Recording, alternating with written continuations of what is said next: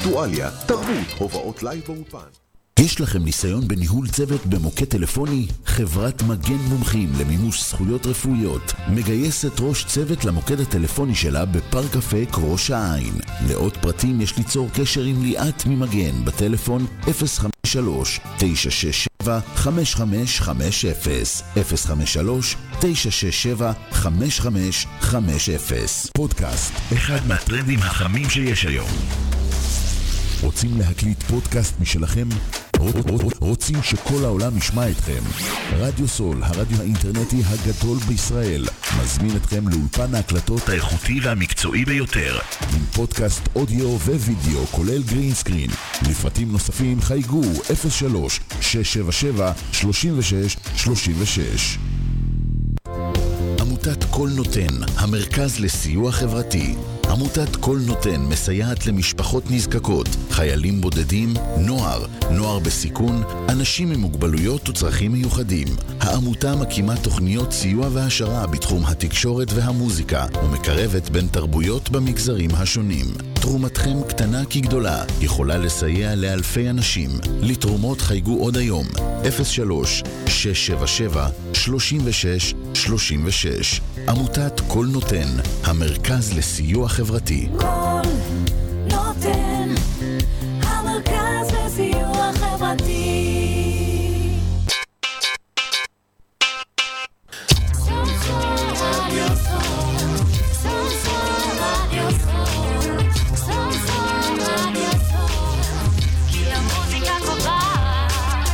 כי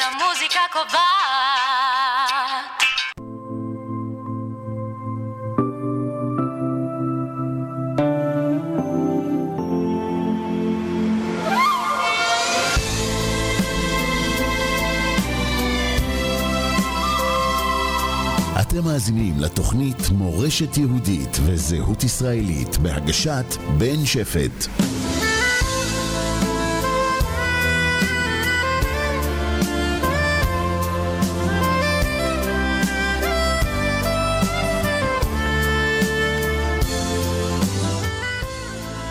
ערב טוב למאזיני רדיו סול, הרדיו האינטרנטי החברתי הפופולרי במדינה.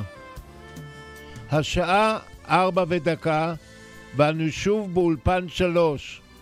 היום יום שני, כ"ו שבט תשפ"ד, חמישי לשני 24. ושוב בתוכנית מסורת יהודית וזהות ישראלית. מול המיקרופון בן שפט, תחקיר עורך ומגיש, ועימי בשידור שוקי אברהם. הערב אנחנו שמחים לארח את פרופסור רחל אליאור, ועימה נדון בשאלה המנקרת בעם היהודי מזה 1250 שנה. בסוגריים, דהיינו מימי הביניים ועד ימינו. והשאלה היא, האם הפילוסופיה היהודית מרחיקה או מקריבה את האל ממאמיניו? הפרופסור רחל אלינור הינו לשעבר ראש חוג למחשבת ישראל באוניברסיטה העברית בירושלים. עמיתת מחקר בכירה במכון ון ליר בירושלים. אמנה שני ספריה האחרונים מיני נוספים. סבתא לא יודעת קרוא וכתוב, על הלימוד ועל הבורות ועל השעבוד ועל החירות, הוצאת כרמל 2018. וספרה השני, ישראל בעל שם טוב ובני דורו, מקובלים, שבתאים, חסידים ומתנגדים, בהוצאת כרמל 2014. נזכיר לרגע למאזינים שהמיסטיקה היהודית החלה עם הפילוסופים הבאים. כבר במאה הראשונה חי הפילוסוף היהודי פילון. לאחר מכן היו, הייתה, היו אלף שנה של הפסקה, ואז חזרו לבמה, לבמה היהודית עם פילוסופים יהודים חשובים ומוכרים, ונזכיר רק כמה מהם. במאה העשירית את רבי סעדיה גאון, ובמאה העשירית גם את אבן גבירול, משורר ופילוסוף. במאה ה-11 את יהודה הלוי, משורר ופילוסוף. במאה ה-12 את מיודענו הרמב"ם, גדול הפילוסופים היהודים בכל הזמנים. ובמאה ה-13 את פילוסופי הקבלה, כמו אברהם הלוי אבולעפיה, ובמאה ה-16 מקובלי צפת שעסקו בקבלה. אמנה אותם הארי הקדוש, רבי שלמה אלקבץ, רבי משה קורדוברו ורבי יוסף קארו. כולם הושפעו מהפילוסופים היוונים כמו, פילו, כמו, כמו אפלטון ואריסטו שחיו כארבע מאות שנה לפני הספירה וחוללו שינויים עמוקים באמונת העולם היהודי המשפיעים עד היום. ולפני שנצא לדרך, נשמע לבקשת אשת שיחתי הערב, פרופסור רחל אלינור, את שלישיית גשר הירקון בשירם וימלט קין.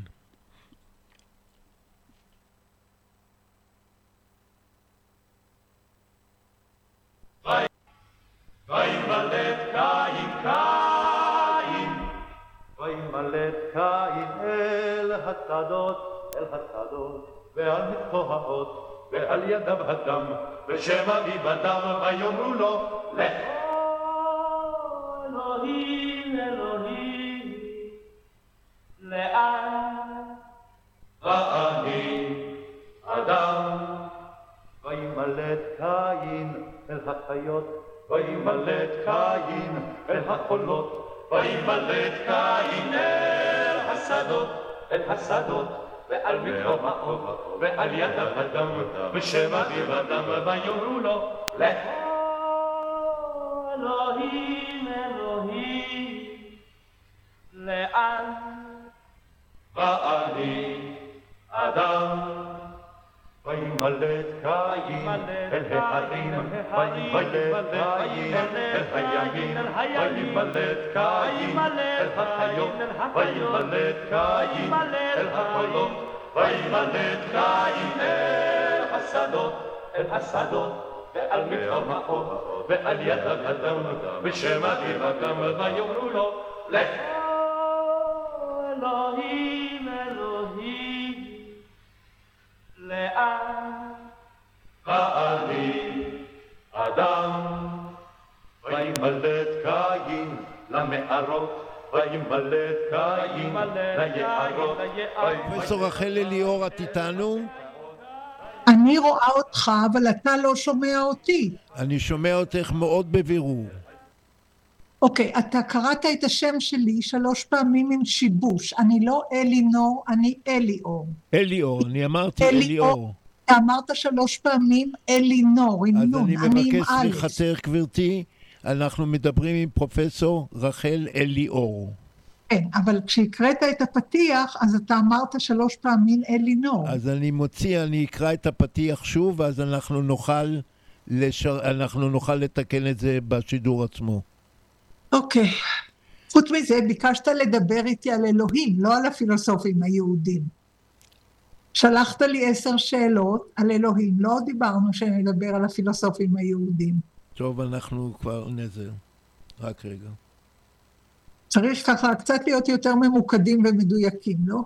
אוקיי, רק רגע, תני לי לראות איך אני רואה אותך. אה.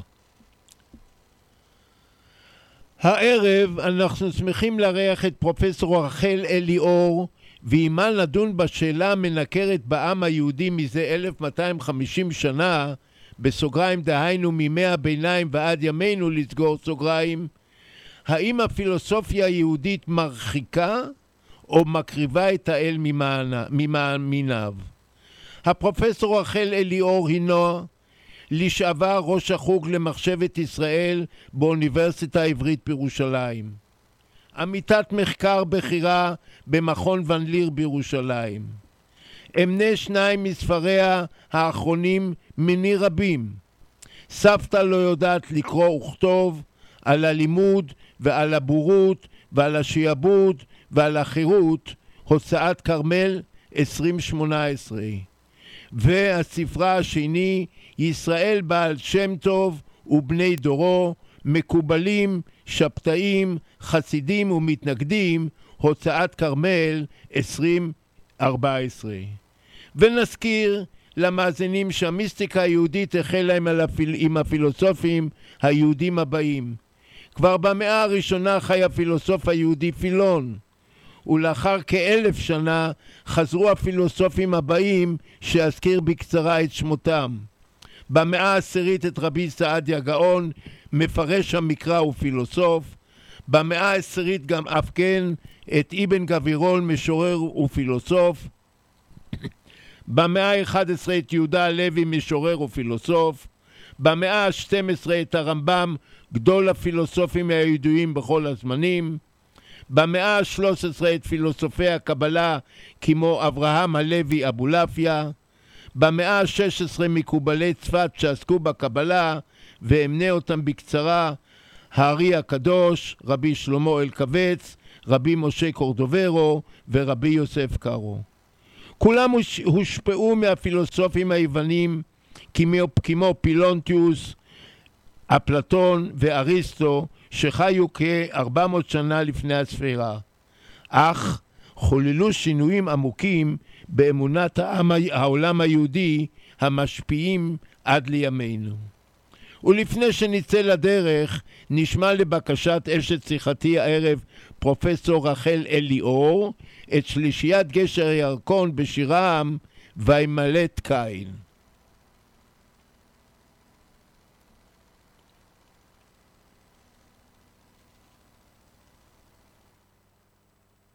וימלט קין,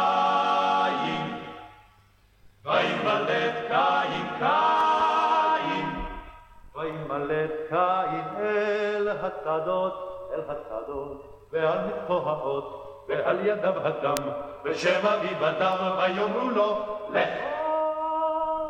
אלוהים, אלוהים, לאן?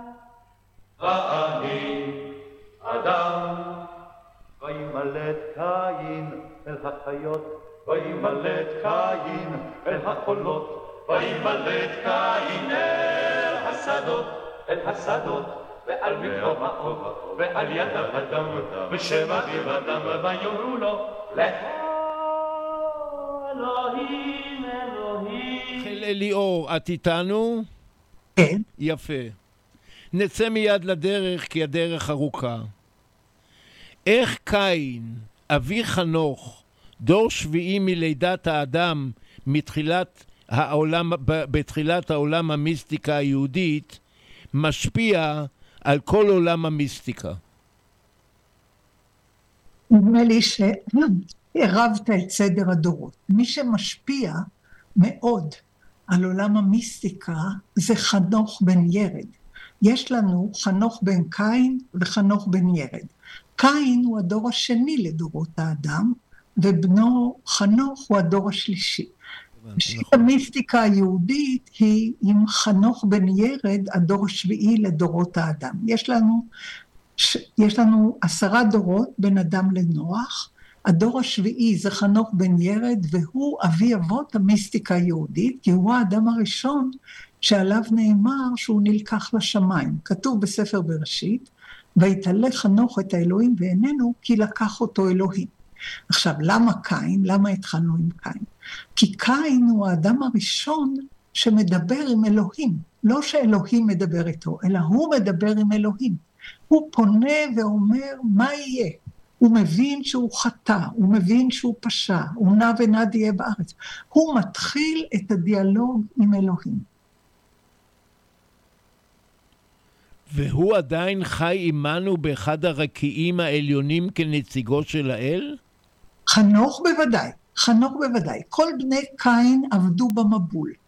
חנוך והמסורת שלו נשארו לעד. עכשיו, מה ההבדל בין מסורת קין ומסורת חנוך?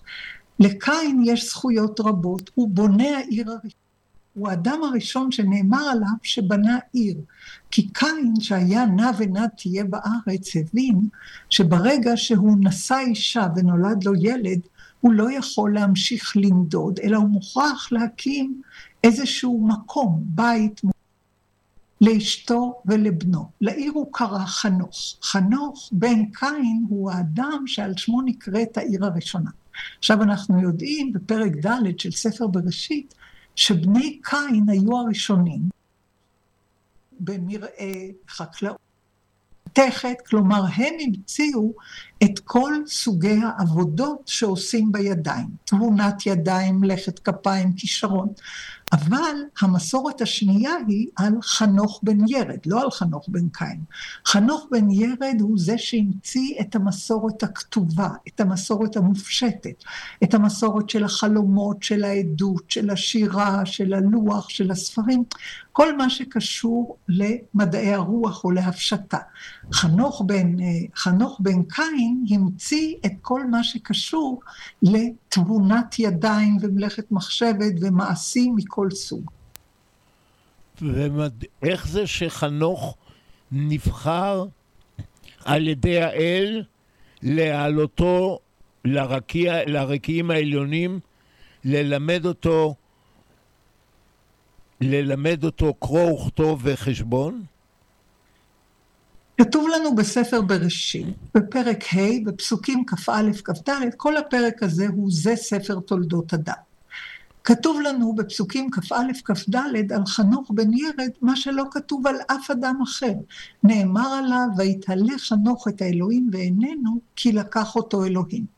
רק עליו נאמר, זה לא נאמר לא על אדם ולא על קין ולא על נוח ולא על שם, רק על חנוך נאמר, ויתהלך חנוך את האלוהים ואיננו, כי לקח אותו אלוהים. עכשיו על השאלה, למה הוא לקח אותו? נכתבו שלושה ספרים, חנוך הראשון, חנוך השני וחנוך השלישי, ופרק שלם בספר היובלים. כל הספרים האלה עתיקים מאוד. חנוך הראשון מהאלף הראשון לפני הספירה, ספר היובלים מהאלף הראשון לפני הספירה, אלה ספרים שמשמרים מסורות עתיקות. הם רצו להסביר לנו שהקריאה והכתיבה זו מתת אל. לא האדם המציא את הקריאה והכתיבה, אלא המלאכים לימדו את חנוך בן ירד לקרוא, לכתוב ולחשב. בשביל זה הוא נלקח לשמיים, כדי להביא משמיים לארץ את האותיות, את המספרים, את הספרים, את החישובים. עכשיו, אם תחשוב על זה באופן רציונלי, לאו דווקא באופן מיסטי, על השאלה איך למדו בני האדם לקרוא, לכתוב ולחשב, אין לנו שום תשובה. כי אנחנו יכולים לתאר לעצמנו איך אדם סימן, נאמר, על לוח חימר, איך הוא סימן עם uh, מקל רטוב, איך הוא סימן ציור של נאמר כד, או כוס, או צלחת, או עץ, או אווז, משהו שהוא רואה בעין. אבל איך הוא המציא מילים ומושגים כדי להגיד רוח אלוהים, פחד, כמיהה, חלום, לאלה אין סימנים.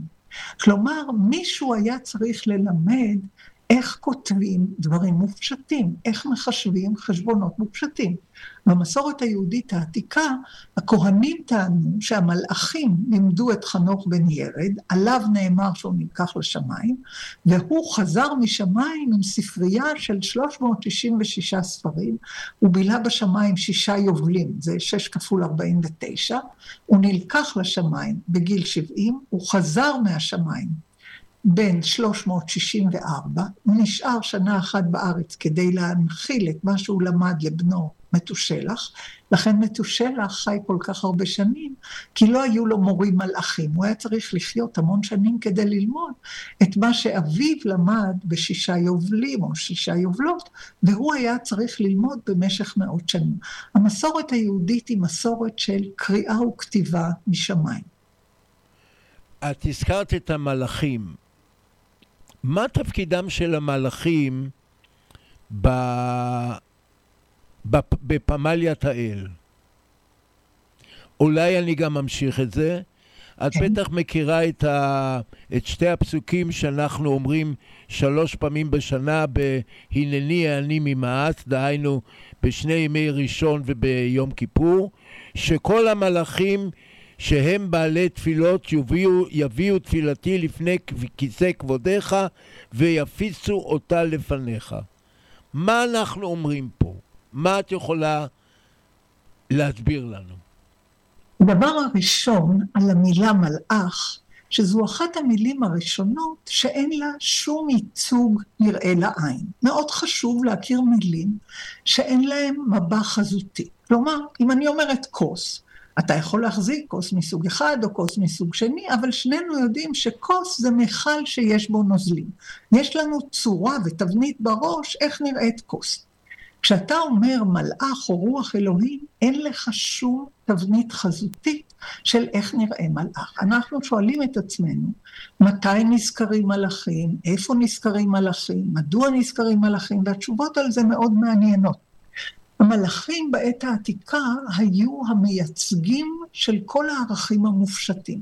למשל, בשירות עולת השבת מקומרן, אלה הם שירות שנכתבו בידי, על פי המסורת של השירות עצמם, הן מיוחסות לדוד בן ישי, נעים זמירות ישראל, והוא מתאר שם בשירות עולת השבת את המלאכים. הוא קורא להם בשמות נפלאים, מלאכי דעת, מלאכי צדק, מלאכי אמת, מלאכי שלום, מלאכי אור. כלומר, הוא מתאר את הערכים המופשטים, דעת, אמת וצדק, שאין להם ציור, שאין להם מבע מוחשי, הוא מתאר אותם כנישאים בידי המלאכים. הדבר היחיד שאנחנו יודעים על המלאכים, שהם נצחיים, הם אינם כפופים לזמן, הם יכולים להיות בכל מקום ובכל זמן, כי שלא כמונו, הם לא ילודי אישה והם אינם בני מוות.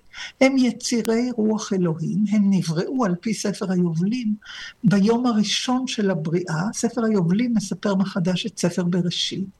והוא מספר את פרק א', את סיפור הבריאה, בצורה קצת אחרת. הוא אומר שהדבר הראשון שאלוהים עשה, הוא ברא את המלאכים במסוגים שונים. יש את מלאכי הרוחות ומלאכי הברד ומלאכי הגשם ומלאכי השלג, כל תופעות הטבע שאנחנו מכירים. ספר היובלים מייחס אותם לרוחות ומלאכים. אז יכול להיות רוחות השלג ומלאכי הברד, כל תופעה טבעית שיש לה מבע מוחשי קשורה למלאך או מלאכים. עכשיו יש סוג שני של מלאכים שקוראים להם מלאכי הפנים, אלה המלאכים שרואים את פני מלך הכבוד, הגבוהים יותר במעלה, והם מקבלים הוראות מאלוהים והם שליחים שלו כדי להביא לארץ את מה שיש בו צורך. למשל... אז הם מה שנקראים שר הפנים? כן, פנים מלשון רואי פני המלך, שר הפנים. אחר כך נגיד לחנוך, יקראו חנוך מטטרון מלאך שר הפנים, כן. אבל זה עוד רחוק, אנחנו עוד לא שם, אנחנו עוד נכון. במלאכים שלפני הספירה. המלאכים של שירות עולת השבת, המלאכים של ספר היובלים, המלאכים של ספר חנוך. ספרות כהנית עשירה מאוד, כתבה בפירוט רב על מלאכים. והמלאכים את, בראש... את אמרת קודם, סליחה, אני, אה, אני מבקש להעלות איזשהו נושא. את. אמרת קודם שכל המלאכים היו כביכול אחראים על נושא. כן, יש מלאכי דת. האם זה קופי של, של תקופת מספוטמיה, ששם היו פגאנים שגם היו כמו שכביכול אחראים על נושא? לא. קודם כל, אני מתנגדת בכלל להנחה שכל דבר שכתוב באיזשהו מקום הוא קופי של משהו. לא, לא קצת ולא הרבה, בדיוק כשם שאתה ואני כרגע, אין לנו מושג מה קורה בעיראק או בפרס או בסין, וגם אם מישהו בסין או בפרס או בעיראק מצייר או כותב משהו, אנחנו לא יודעים על זה, לא ראינו את זה בעין, לא שמענו, אלה לא שפות שאנחנו מדברים. גם בעת העתיקה. כשמישהו כותב על מלאכים בספר בראשית, הוא לא היה צריך לקחת את זה משום copy-paste, משום תרבות אחרת. בתרבות שלו, שהוא יצר, הוא מדבר על מלאכים. המלאכים הם שליחים. למשל, אלוהים שולח את המלאכים להחריב את סדום ועמורה, כי זעקת, זעקת הארץ עלתה לשמיים. או המלאכים... יש סברה שאחד משלושת המלאכים היה האל בעצמו. אני יודעת, אני לא אוהבת לומר את מה שלא כתוב בפשט הכתוב. אני דבקה בפשט הכתוב. בפשט הכתוב נאמר שבאו שלושה מלאכים, ובפרשה המסוימת הזו לפעמים מדברים בגוף ראשון, לפעמים ביחיד, לפעמים ברבים. אני לא חושבת שצריך לעשות יותר ממה שהטקסט אומר לנו. נאמר שאברהם ראה שלושה אנשים והוא רץ לקראתם והוא הזמין אותם לאכול. המלאכים יכולים ללבוש איזה צורה שהם רוצים, אבל הם יכולים גם להיעלם בדיוק כשם שהם מופיעים. אנחנו יודעים על מלאכים כמו אלה שראתה אגר, או אלה שראתה חנה, או אלה שראה אה, אלישע, או אלה שראה ישעיהו. יש לנו הרבה סיפורים על מלאכים כחלק מהסיפור המקראי. מלאכים זה דוגמה לתבנית תרבותית. אתה לוקח מילה שאין לה ייצוג מוחשי, אני חוזרת על זה, אנחנו לא יודעים איך נראה מלאך. ואתה יכול להוסיף לה כל מה שאתה רוצה, בדיוק כשם שאתה לא יודע איך נראה אדוני צבאות. אתה יכול להגיד שמלוא כל הארץ כבודו, ואתה יכול להגיד יד אדוני. הדבר היחיד שאתה יודע על אלוהים בוודאות, שיש לו קול בקוף. יש לו קול והוא תמיד מדבר בגוף זכר. אנחנו, לאלוהים אין גוף ואין דמות גוף, אבל יש לו קול, ובעברית אין קול ניטרלי. כל הטיה של פועל היא או בזכר או בנקבה. אלוהים לאורך כל המקרא מדבר בקול זכרי בגוף ראשון. כלומר, הקול הזכרי הוא הקול של אלוהים והוא גם הקול של המלאכים. אין מלאכית או אין מלאכה לאורך כל המקרא ובספרות החיצונית. כלומר, יש לנו רק מלאכים דוברים בקול זכר ואלוהים דובר בקול זכר. והדמויות האלה הולכות ומתפתחות לכיוונים שונים. הדבר הכי חשוב על המלאכים, כמו שאמרתי, שהם נושאי הערכים המופשטים. מלאכי שלום, מלאכי דעת, מלאכי קודש, מלאכי צדק, מלאכי השרת. אנחנו אומרים את זה כל יום שישי ב... ב... ב... בפיוט מלאכי השלום אה, כן, וכל כן. מזכירים את זה. אלה המלאכים, כן. אלה המלאכים שאנחנו מכירים אותם מהעולם המקראי, ויש לנו את המלאכים החשובים מאוד מאוד, אלה שישעיהו מתאר כשהוא בחזון ההתגלות שלו, שהוא אומר שהוא ראה שרפים, הוא ראה את אדוני יושב על כיסא ושוליו מלאים את ההיכל, והוא ראה מלאכים ושרפים שאומרים קדוש קדוש קדוש. או יחזקאל מתאר לנו את חיות א', המרכבה, וחיות זה לא animals, אלא חיות זה creatures, משהו חי, משהו מדבר, משהו מתנועע. וחיות המרכבה אומרות קדוש קדוש קדוש, או ברוך כבוד אדוני ממקומו. כלומר, היצורים המלאכיים האלה מכוננים בקול. הם יכולים לדבר, לברך, לשיר, לקחת חלק במקהלות קודש, ויש לנו ספרות ענקית שמצאנו במגילות מדבר יהודה. קוראים לה שירות עולת השבת, או דברי המאורות, או סרח הברכות, ועוד הרבה, שיש בהם המון המון שירות של מלאכים. המלאכים משוררים ומברכים, יחד עם הכהנים והלוויים. הכהנים בראו את המלאכים בחזונם, בהשראתם, בספרותם, בנבואתם, כבני דמותם. למשל, הנביא מלאכי אומר, מלאכי, שים לב לשם שלו, כי שפתי כהן ישמרו דעת, כי מלאך אדוני צבאות. זאת אומרת, הכהן הוא מלאך. הכהן, הכהן רואה את עצמו כהשתקפות של מלאכי עליון, והוא רואה את מלאכי עליון כהשתקפות שלו. עכשיו, אנחנו לא מדברים כאן על אדם פרטי, אנחנו מדברים על תפקיד. כל הכהנים, יש להם תפקיד חשוב ביותר.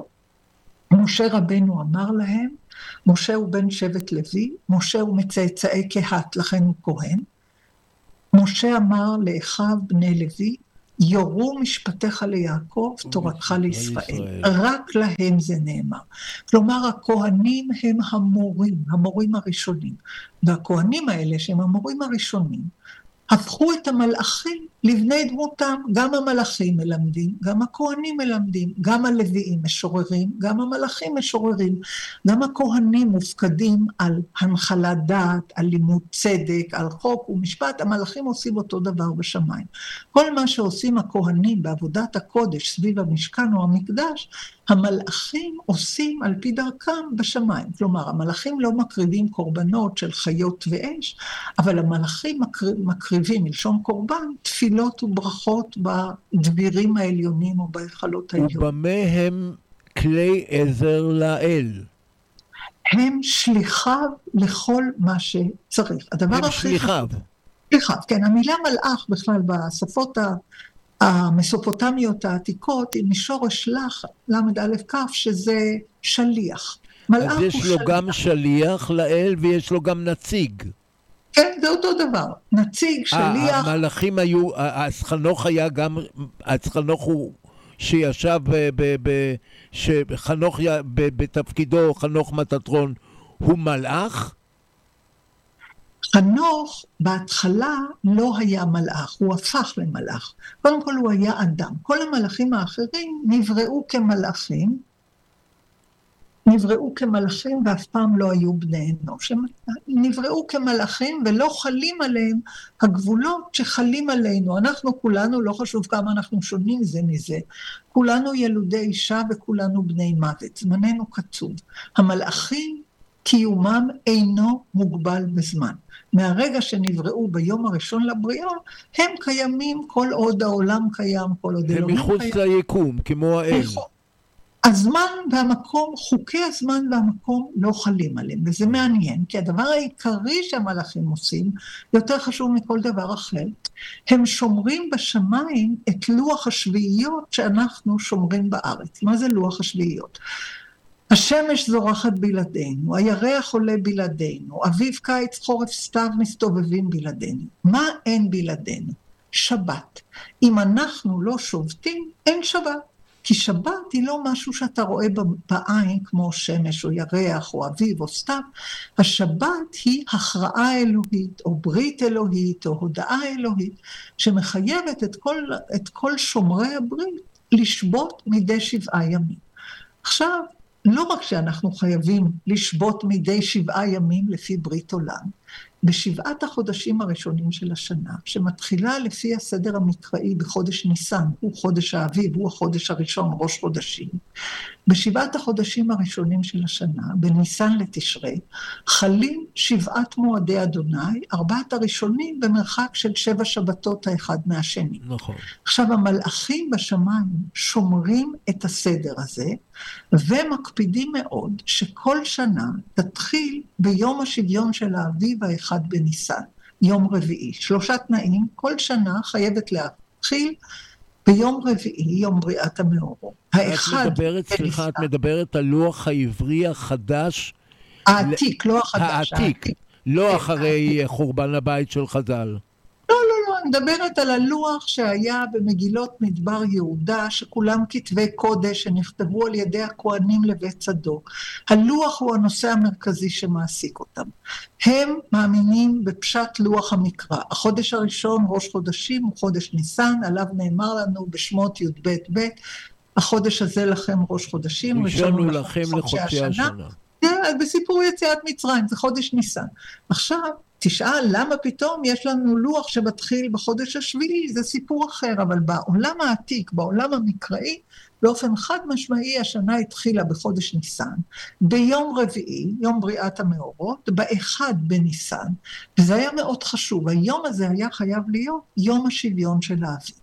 כי אם אתה פותח את הלוח ביום רביעי, יום השוויון של האביב, האחד בניסן, ב-26 בחודש ניסן, השעורה תבשיל ותהיה מוכנה לקציר. שבעה שבועות לאחר מכן, החיטה תבשיל ותהיה מוכנה לקציר. קציר חיטים, על פי הלוח העתיק, הוא ביום ראשון, החמישה עשר לחודש השלישי, ט"ו בסיוון. קציר שעורים, הקציר הראשון, הוא ביום ראשון, ממחרת השבת האחרונה של חג הפסח, ביום ראשון, ה-26 ועל כל זה ממונים המלאכים הם שומרים את זה בשמיים, כמו שאנחנו, הכהנים והלוויים, שומרים בארץ. עכשיו, למה זה כל כך חשוב? זה לא רק מתמטיקה לשמה, כי יש לנו שבעה, שבעה מינים שארץ ישראל השתמכה בהם. כל שבעת המינים האלה צומחים רק בשבעת החודשים הראשונים של השנה. הם צומחים אחד מהשני במרחק של, שבוע, של שבעה שבועות, ארבעת הראשונים, ושלושת האחרים נאספים בחודש השביעי. האיש שהביא את הלוח הזה, שמו חנוך בן ירד השביעי בדורות האדם. הייתה לכהנים מסורת מסובכת של שביעיות מקודשות, שהובאו משמיים על ידי חנוך בן ירד, השביעי בדורות האדם. ובמסורת הזאת, הזמן הוא ברית אלוהית, הוא לא הכרעה אנושית. אנחנו צווינו על ארבעה ימים בשנה, שקוראים להם אותות וימי זיכרון, או ימי זיכרון תרועה, האחד בניסן, האחד בתמוז, האחד בתשרי והאחד בטבת, או הראשון לראשון, הראשון לרביעי, הראשון לשביעי והראשון לעשירי. הם תמיד יחולו ביום רביעי, הם תמיד הסתיימו, הם פותחים תקופה, היו ארבע תקופות בעת העתיקה, לתקופה הראשונה קראו קציר, לתקופה השנייה קראו קיץ, לתקופה השלישית קראו זרע ולתקופה הרביעית קראו דשא, וכל אחת מהתקופות האלה שתמיד התחילה ביום רביעי, מנתה 91 ימים. אבל אני רוצה רגע לחזור רגע, ל... ל- רק רגע, רק רגע. אוקיי. ב-91 ימים האלה יש 13 שבתות. לכל שבת יש תאריך קבוע, כי אם כל עונה מתחילה ביום רביעי, אז השבת הראשונה לעולם תהיה ברביעי לראשון, והשנייה ב-11 לראשון, והשלישית ב-18 לראשון. לכל שבת יש תאריך קבוע. ועל כל זה אמונים המלאכים. הכהנים והמלאכים. בארץ הכהנים, בשמיים המלאכים. אז תסבירי לנו מדוע זקוק האל לנציג כמו, אם אנחנו אומרים, הוא הוציא את, מצר... את ישראל ביד חזקה ובזרוע נטויה. ומצד שני אנחנו יודעים שאין לה, לאל איברי גוף. או, אז, אז איפה אנחנו עומדים פה? או בנתני תוקף, כותב וחותם וסופר ומונה ותפתח את ספר הזיכרונות ומאליו יקרא. תסבירי לנו פה מי הוא מה, מי עושה מה. תראה, אלוהים זה כל מה שאנחנו לא יודעים, כל מה שנשגב מבינתנו, כל מה שאנחנו לא עשינו. עכשיו, אנחנו לאורך הדורות מתארים אותו בדמותנו. אנחנו אומרים שהוא ראש לכל דבר, כמו מבנה הראש שלנו. אנחנו אומרים שיש לו יד חזקה וזרוע נטויה, כמו שכשאנחנו בעלי כוח הזרוע או בעלי אה, אלימות בידיים. זאת אומרת, התיאורים שאנחנו מתארים את האל קשורים למבנה שאנחנו מכירים, כי אנחנו לא מכירים מבנים אחרים. אבל זה לא אומר שלאל יש רגליים או עיניים או ידיים. אנחנו לא יודעים איך האל נראה. נאמר לנו במפורש, לא מחשבותיי מחשבותיכם, מחשבותיכם ולא דרכיכם דרכי דרכיי, ולא תראה את פניי, לאן נכון. אלוהים אמר למשה. רק את אחוריי, אז איך זה כן. מסתדר? מי פה כותב ומי. חותם? זה מסתדר היטב, כי מה אנחנו יודעים בוודאות? המאבק הגדול בחומש הוא בין האל המופשט, שאין לו צורה נראית, אבל יש לו קול, לבין אלוהי מצרים, שיש להם צורה נהדרת, אבל הם דוממים מעץ ומאבן. הרעיון המקראי הגדול הוא שהמונותאיזם מדבר על אל מופשט, אל שאין לו שום ייצוג חומרי, לא קצת ולא הרבה. אין לו לא גוף ולא פסל ולא זהב. אז אולי ולא זו רק דעה? רגע, זה לא דעה, זה האל המקראי. האל המקראי, יש לו רק קול. יש לו voice, יש לו קול. הוא מדבר. הוא מדבר, הוא קורא, הוא כותב, הוא זוכר, הוא מעיד, הוא כורת בריתות, אבל הוא לא אנחנו. הוא קול מופשט. עכשיו, אנחנו בעוניינו יכולים לדמות אותו בדימויים שעומדים לרשותנו. אז אנחנו אומרים, עיני אדוני משוטטות בכל הארץ. אין לאדוני עיניים כמו שלנו יש עיניים. יש לו ראייה על-חושית, על-זמנית, על-מקומית, שאיננה כראייתנו. אבל כדי להסביר שאלוהים רואה הכל, אז אנחנו אומרים, עיני הוא אדוני גם משוטטות. רואה עד סוף כל הדורות. בוודאי, זה לא ראייה כמו שלנו, כי הראייה שלנו מוגבלת. הראייה של האל בלתי מוגבלת. המפריד בין האדם לאל זה שכל מה שאנחנו עושים הוא מוגבל בין לידה למיתה, בין טווחים של שמיעה וראייה ועבודה. לאל אין שום מגבלה. הוא יצירה מופשטת של גאוני העולם העתיק, שרצו להסביר לנו שכל מה שלא אנחנו אחראים עליו, הוא נברא בידי אלוהים. כל מה שלא אנחנו אחראים עליו, השמש והירח והים והיבשה והאוקיינוסים והצמיחה והעצים, כל מה שלא אנחנו, לכל זה קוראים הבריאה, וחשוב המילה הבריאה, כי לבריאה יש בורא, ואילו לטבע אין תובע. אתה יודע שהמילה טבע לא נמצאת בעברית. את המילה טבע הכנסנו במאה ה-12, כאשר הטיבונים תרגמו את אה, מורה נבוכים של הרמב"ם, והם היו צריכים למצוא אה, מילה עברית למילה פיזיקה. פיזיקה ביוונית, פיזיס זה טבע. אבל לא הייתה מילה עברית. אז הם לקחו מהערבית את הטבעה והפכו אותו לטבע. אצלנו אין טבע, יש בריאה. ואמרתי, ההבדל בין טבע לבריאה, לטבע אין תובע. לבריאה יש בורא. זו הטענה של העולם המקראי. שום דבר איננו יד המקרה. כל דבר שהאדם לא עשה, הוא בריאה אלוהית, מתת האל, חסדי האל. הדבר היחיד שהאדם מופקד עליו, ולכן זה כל כך חשוב, מה שהאל לא עושה לבדו. הדבר היחיד שהאדם מופקד עליו זה לשבות, להפסיק את המחזור האינסופי של עבודה ועבל וזה. אלא לעצור כל שבע. אם אתה עוצר כל שבע, כל שבעה ימים שבת, כל שבעת מועדי אדוני בשבעת החודשים הראשונים של השנה, בניסן לתשרי.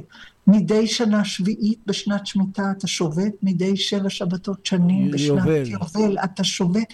המחזור השביעוני הגדול הזה הוא המחזור הגדול של החירות, הוא המתנה הגדולה של העם היהודי לעולם, הוא המתת האלוהית, ואני מזכירה לך שכל פעם שאלוהים מתאר את עצמו בחומש, הוא אומר, אני אדוני אלוהיכם אשר הוצאתיכם מארץ מצרים מבית עבדים. אני אלוהי החירות, חירות ושבת ושביתה ושמיטה זה הכל אותו דבר. אתה מפסיק לשעבד ולהשתעבד, אתה שובת. אתה שובת מלשון שבת, אתה שובת, אתה בן חורין, ולכל המועדים האלה שאנחנו חייבים לשבות בהם, כדי להוקיר את החירות והצדק והשבת והשלום, לכל המועדים האלה קוראים אלה מועדי אדוני מקראי קודש, אשר תקראו אותם במועדם, והמגילות קוראות להם מועדי דרור. אני מבקש רגע לחזור, אני, אני, אנחנו מבינים את, ה, את הנושא הזה, אבל אני רציתי רגע לנסות ולחזור לנציגיו של האל.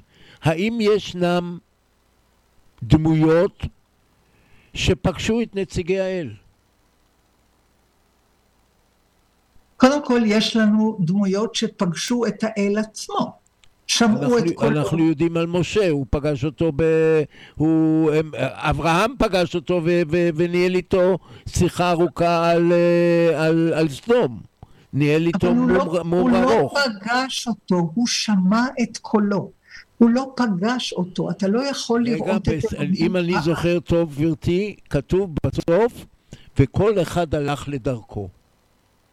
זה לא, תראה, אני לא זוכרת את הלדרכו, מה שחשוב זה אין לאלוהים דמות. אתה לא יכול לפגוש את דמות האל, אתה יכול לשמוע את קולו, אתה יכול לפגוש מלאכים. המלאכים יכולים ללבוש דמות לפי רצונם. האל בדרך כלל איננו מתגלה במישרים. הדרך היחידה לראות את אלוהים היא דרך החלום. אברהם רואה את האל בחלום בברית בין הבתרים. יחזקאל רואה את המרכבה או את ההתגלות של המרכבה האלוהית והכרובים בחלום או בהשתקפות על נהר כבר. משה, אה, אברהם שומע בחלומו, לך לך מארצך וממולדתך. רוב מפעלותיהם הגדולים של בני האדם, ראשיתם בחלום. עכשיו, הדבר על חלום הוא, שזה המשפט היחיד שאתה לא יכול להגיד, אבל זה לא נכון, כי בחלום כל אחד רואה דברים אחרים. בחלום כולנו ישנים וכולנו אוכלים וכולנו מתלבשים, אבל גם כולנו חולמים, אלא שלא כל אחד חולם אותו דבר. יש יחידי סגולה שבחלומות שלהם נשמעים להם קולות שלא נשמעים לזולתם, נגלים להם מראות שלא נגלים לזולתם. החלום היה נחשב לאורך כל העולם העתיק עד לימי פרויד כמשהו שנשלח משמיים לארץ.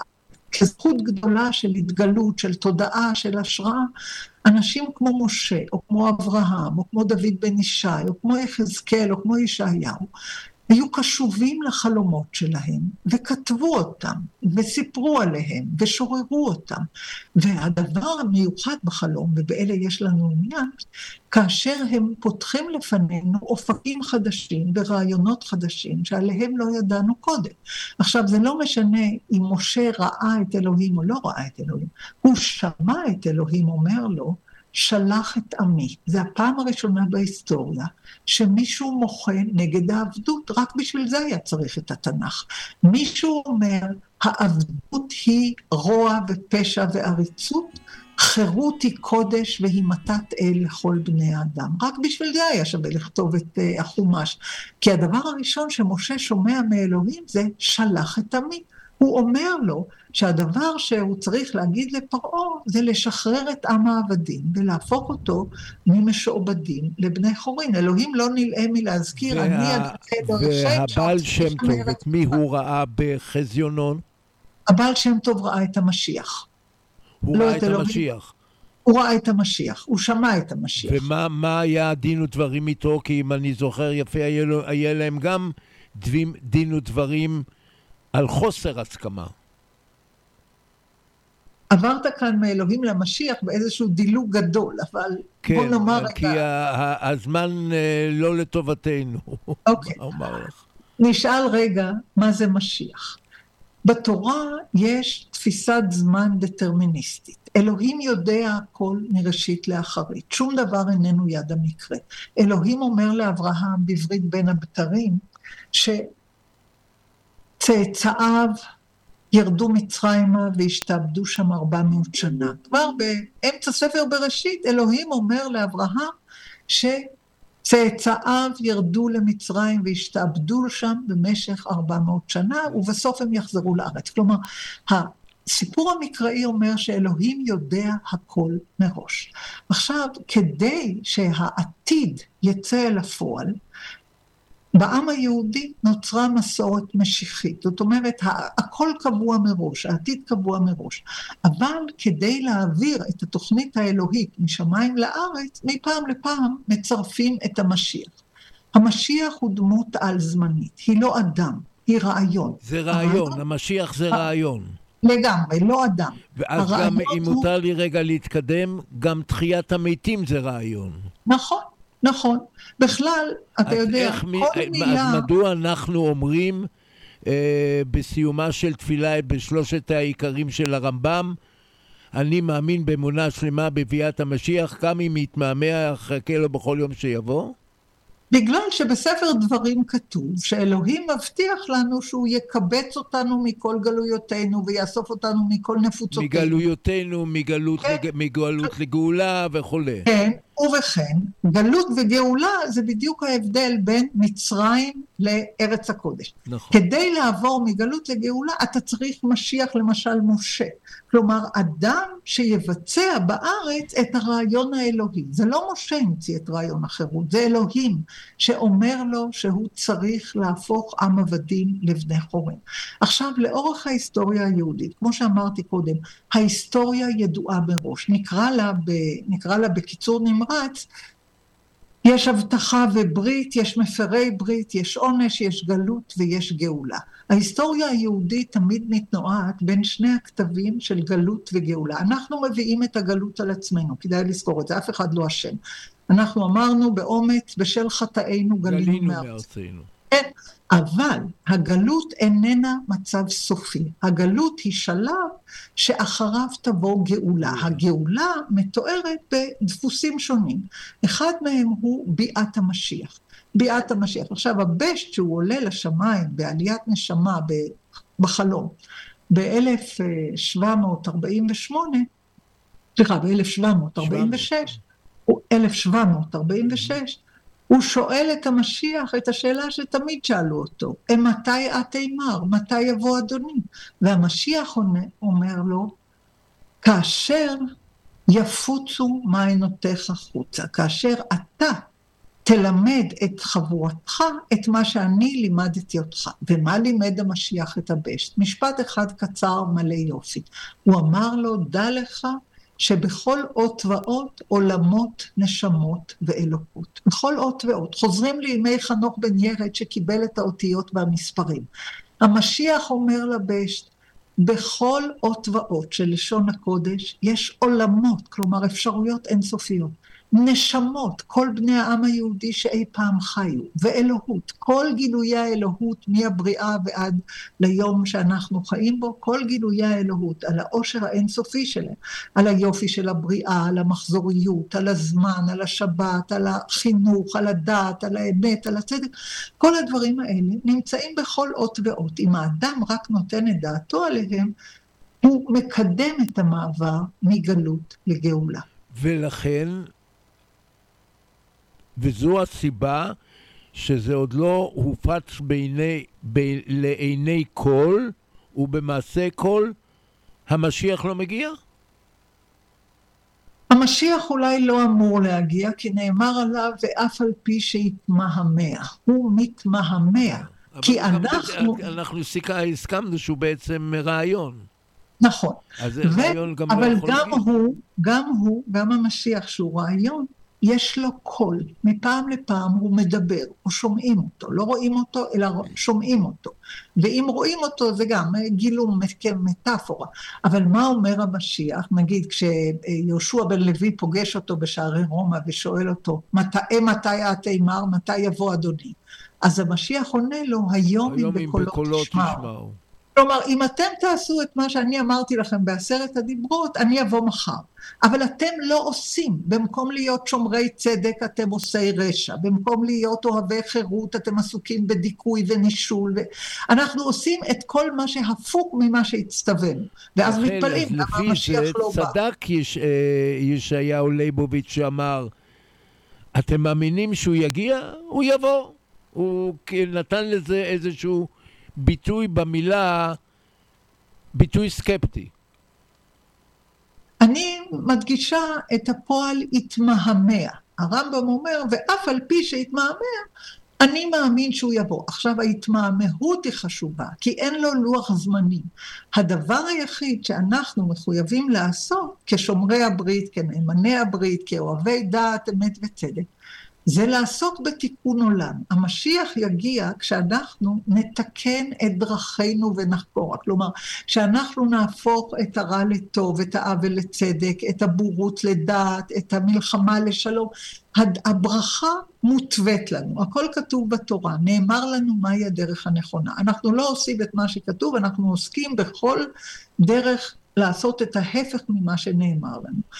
לכן המשיח אנחנו כאילו לקראת קוטב. סיום, לצערי, כי קצת אה, הייתה לנו איזו בעיה טכנית, ורציתי לשאול אותך, מה היית רוצה שהמאמי- שהמאזינים יזכרו משיחתנו היום, שלא מולאה, אני משוכנע גם לא מהצד שלך או מהצד שלי, אנחנו אולי נמלא את החסר יותר מאוחר, אבל נכון להיום, מה היית רוצה שהמאזינים יזכרו משיחתנו היום?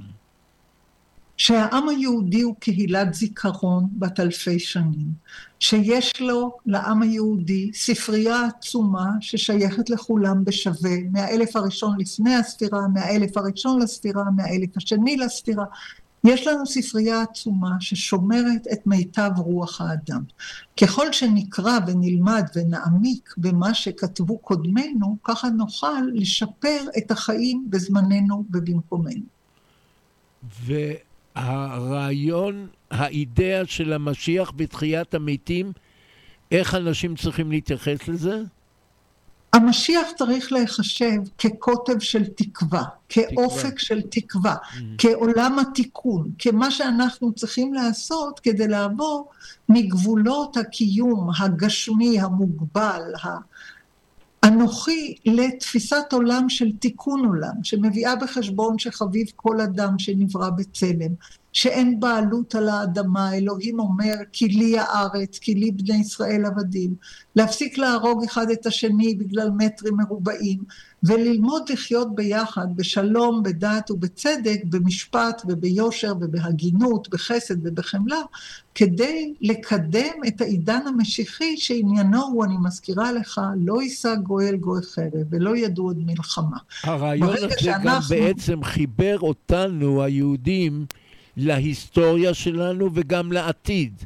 כי נכון. בעבר הוא, הוא, הוא, הוא בעצם מ- מגלות לגאולה, וגם בעתיד הוא נותן לנו איזושהי תקווה. כן, בהחלט. המשיח זה התקווה שהכל יכול להיות אחרת, אבל לא של המתנה פסיבית, אלא של עשייה אקטיבית ברוח ו...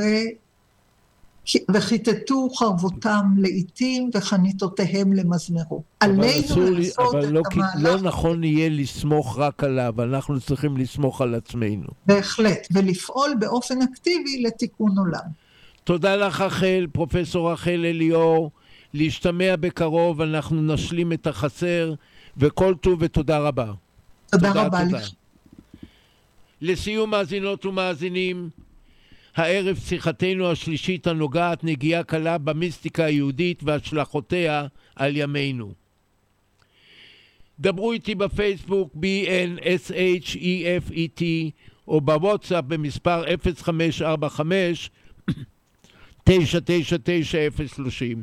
לא לשכוח להיכנס לשידורי רדיו סול במשך כל ימות השבוע דרך הגוגל ואתם בהאזנה פשוט וקל. ולפני שניפרד נשמע שוב את השיר וימלט קין, אך הפעם ממקהלת בת קול, ש, שזה בכל זאת לבקשתה של אשת שיחתנו, הפרופסור רחל אליאור. המשך ערב טוב לישראל, מצוות התוכנית שוקי הטכנאי, וממני העורך והתחקירן והמגיש, בן שפט.